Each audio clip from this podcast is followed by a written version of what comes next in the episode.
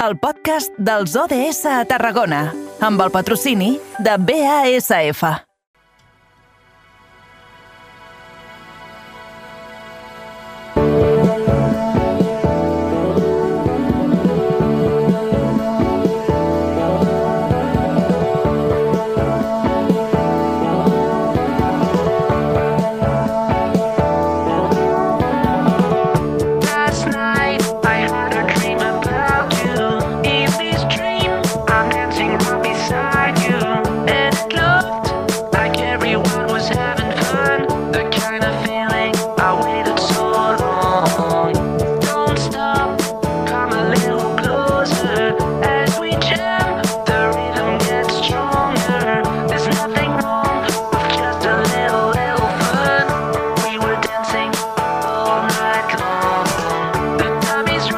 Som-hi, que arribem a l'OBS final d'aquesta temporada. Toca agafar per última vegada la màquina del temps per recollir totes les iniciatives i propostes del territori que ens apropen als objectius marcats per l'Agenda 2030 de les Nacions Unides. Què vol dir això?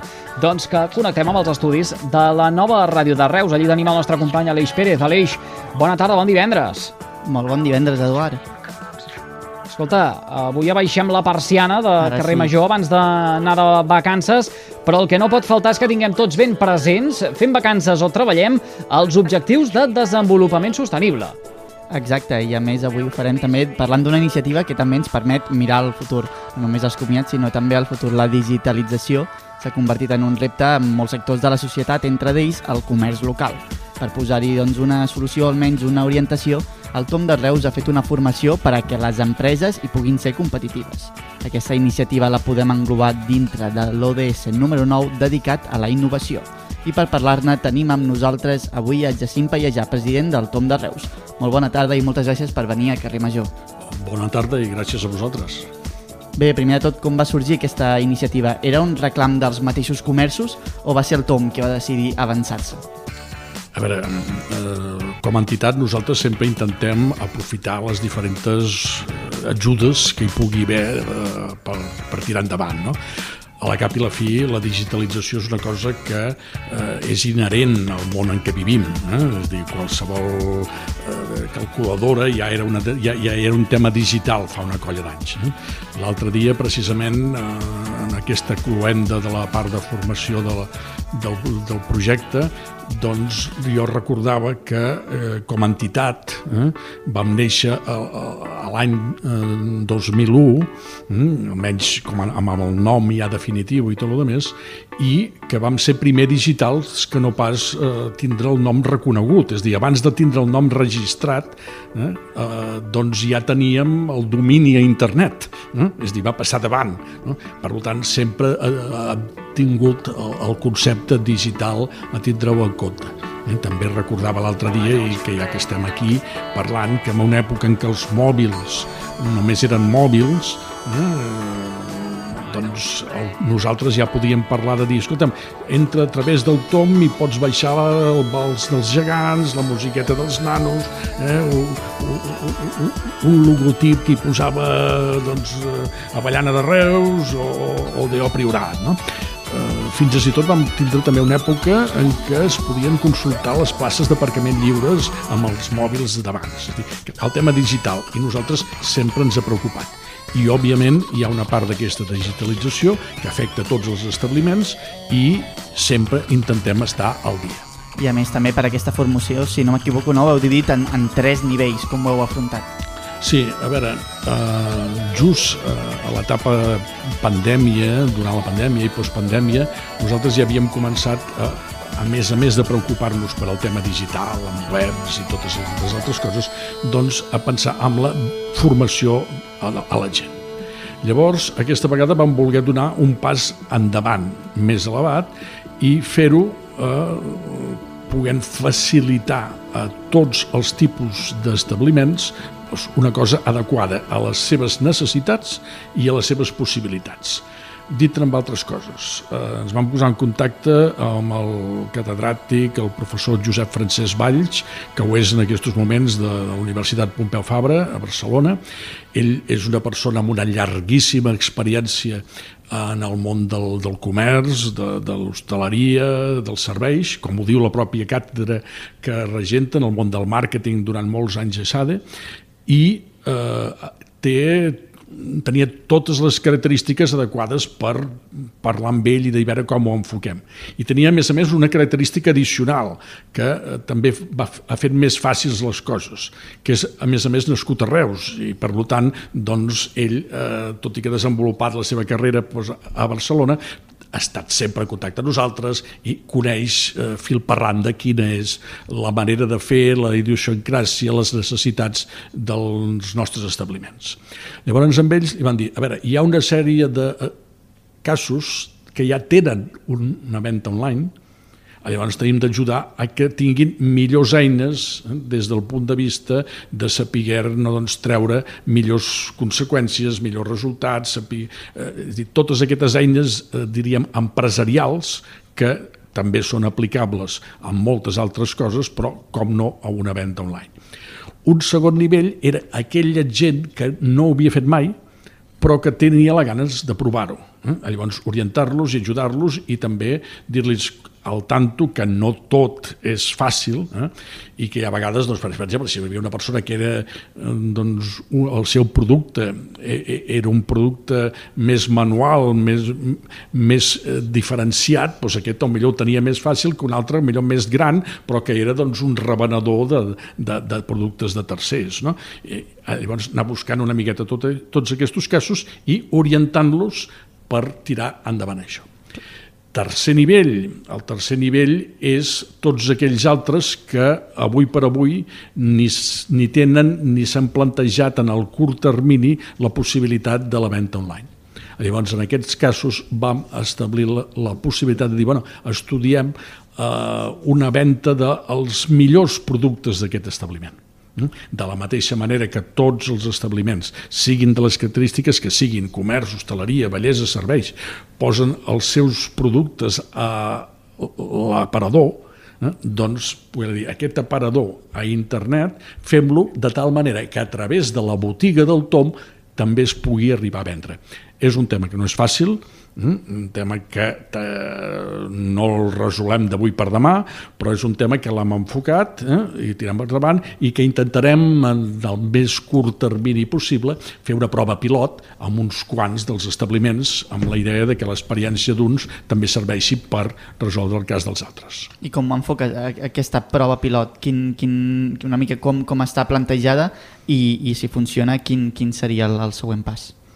La prova pilot, eh, com la pròpia paraula diu, és fer a petita escala el que després volem intentar fer més. I quan dic petita escala no vol dir que després se multipliquin el nombre de productes posat amb, eh, posats en aquest aparador, sinó que consisteix en que sigui molts més establiments els que ho facin. No? Perquè ens hem proposat en tot moment eh, posar un tope de màxim 10 productes per establiment Ara, en el sentit que si hi ha un establiment que diu tu, jo n'hi vull posar tres, doncs que. Ara sí, el que sí que els demanem és que aquells productes tinguin un caire diferenciat?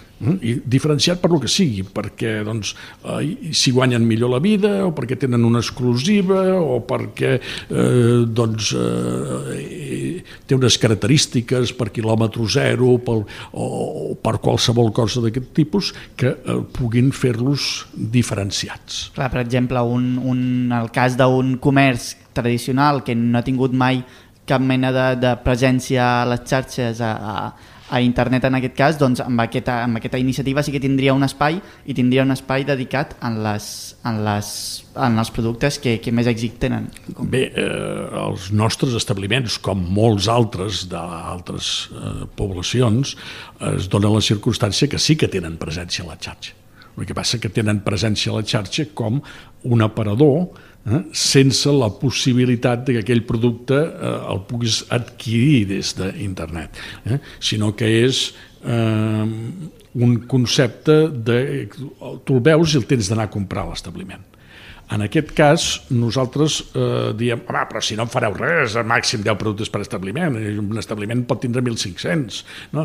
Bé, eh, el que sí que volem intentar és que hi hagi una mica una il·lusió en el sentit de que la gent pugui, tras, al passar pels nostres establiments, dir, mira, aquest producte d'aquí, aquest altre d'allà, eh, són els que perquè estaran eh, adequadament senyalitzats, són els que podràs comprar eh, tant a nivell físic com a nivell eh, digital una miqueta en aquest món online, offline, eh? on-off, on-off, que ens ha tocat viure. Perquè, tal com fa uns temps deia el nostre vicepresident, en Joan Anton, doncs deia la gent passa per davant dels nostres aparadors mirant el mòbil. Mm? Doncs bé, eh, tenim d'aconseguir estar amb aquest mòbil. Mm? I si estem amb la possibilitat de que, a més a més, hi hagi alguna venda que es pugui fer, doncs perfecte. I si no, sí. com a mínim ens haurà servit per posicionar una miqueta, donar una miqueta una idea d'una campanya important de continuïtat. És un... Senyor Pallejà, però, però, però clar, s'arriba a aquest extrem perquè potser alguna cosa com a societat en general hem, hem, fet, mal, hem fet malament, no? O no hem acabat de fer com tocaria, que ha estat potser eh, oblidar o passar de llarg aquests comerços de tota la vida, d'aquest veí o veïna que cada dia aixeca la persiana i hem monopolitzat les compres cap a les eh, grans superfícies o cap a eh, internet amb aquestes eh, plataformes que, que, ho, que ho tenen tot. Amb això us diré una cosa, hi ha molta il·lusió també. Hm? Hi ha molta il·lusió, és a dir, en un moment determinat, jo em recordo que eh, fa uns dies anàvem per l'autopista eh, i la meva filla em va dir, diu, escolta'm, i aquest és eh, el tercer camió que passa d'aquesta multinacional de la venda sí. online. Sí, sí, sí. Dic aquestes sí. Furgonetes, aquestes furgonetes sí, no, no, perdó, amb, deixa'm acabar. Amb, amb, amb dic, dic sí, és el tercer camió, però és que n'han passat més de 300 que no. Eh?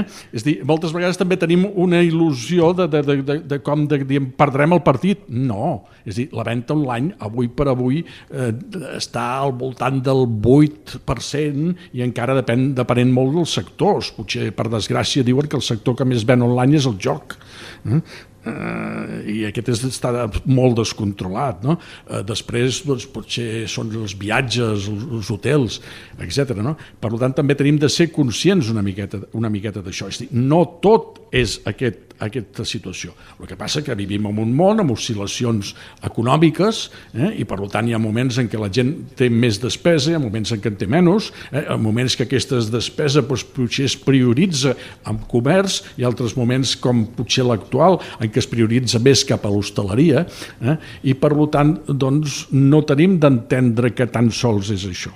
Ara, i és una realitat, i és una realitat i sobretot ens està portant, doncs, per exemple, un, eh, ja que estem parlant de, de ODS, doncs ens està parlant una càrrega de nitrit carbònic eh, que, amb el transport aquest de, de, la, de la darrera milla, que es diu, que això d'alguna manera o altra doncs, hauria d'estar, eh, eh, no diria jo penalitzat, sinó eh, des del punt de vista fiscal, fiscalitzat, econòmicament fiscalitzat per, perquè eh, intentar que les regles siguin el més similars els uns i els altres. Ara, el sol surt per tothom, surt per la gent que tenim establiments al carrer, surt per les grans centres comercials artificials, surt per la venda online i, i en tot cas potser el qui més ha perdut amb la venda online, i ara es posareu a riure, però segurament deu ser una veritat a escala planetària, és la venda per catàleg.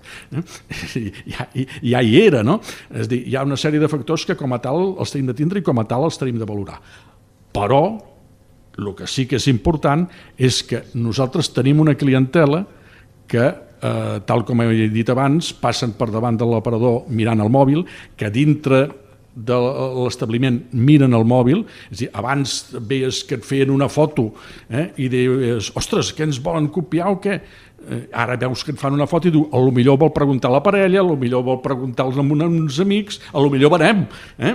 És a dir, eh, eh, tenim aquest món, i aquest món és el món que ens rodeja, és el món que fa que en aquests moments eh, tant eh, vosaltres com jo tinguem el mòbil al costat i per tant eh, de la mateixa manera que eh, el comerç s'ha hagut d'anar adaptant a multitud de coses, una d'elles és saber lluitar amb les eines que hi ha. Però repeteixo, mm. digitalitzar no vol dir, encara que en aquest cas nosaltres en aquesta darrera eh, actuació ens haguem centrat en la venda online, no Sí. vol dir això, digitalitzar vol dir eh, reforçar el que és els carrers. Eh? I a la cap i la fi és el nostre objectiu, obrir les portes cada dia amb mm. una mínima rendibilitat eh? a, a, a, als carrers dels, de, de les poblacions. No? I eh, amb aquesta línia seguirem lluitant.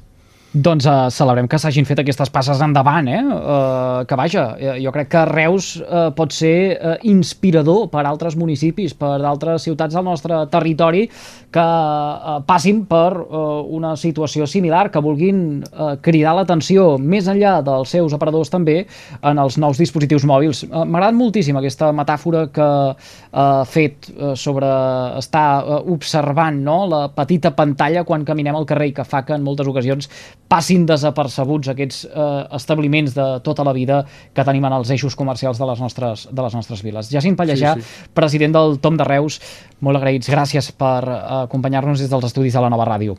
Moltes gràcies a vosaltres. Que vagi molt bé.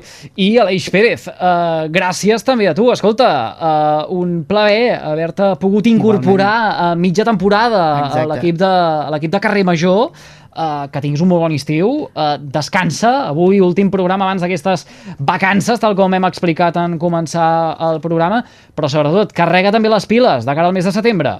Ho intentarem. I Eduard, abans de, de marxar també, doncs donar les gràcies a l'Angi Aramayo també, que ens ha estat acompanyant durant tots aquests mesos i jo he vingut a substituir en aquest final de temporada, però també crec que, que part d'aquesta secció dels ODS també té, doncs, doncs en té molt de, molt de culpa l'Angi i també un record des d'aquí. Vagi bé, Eduard, molt bon estiu. Que vagi molt bé. Molt bon estiu. Adéu.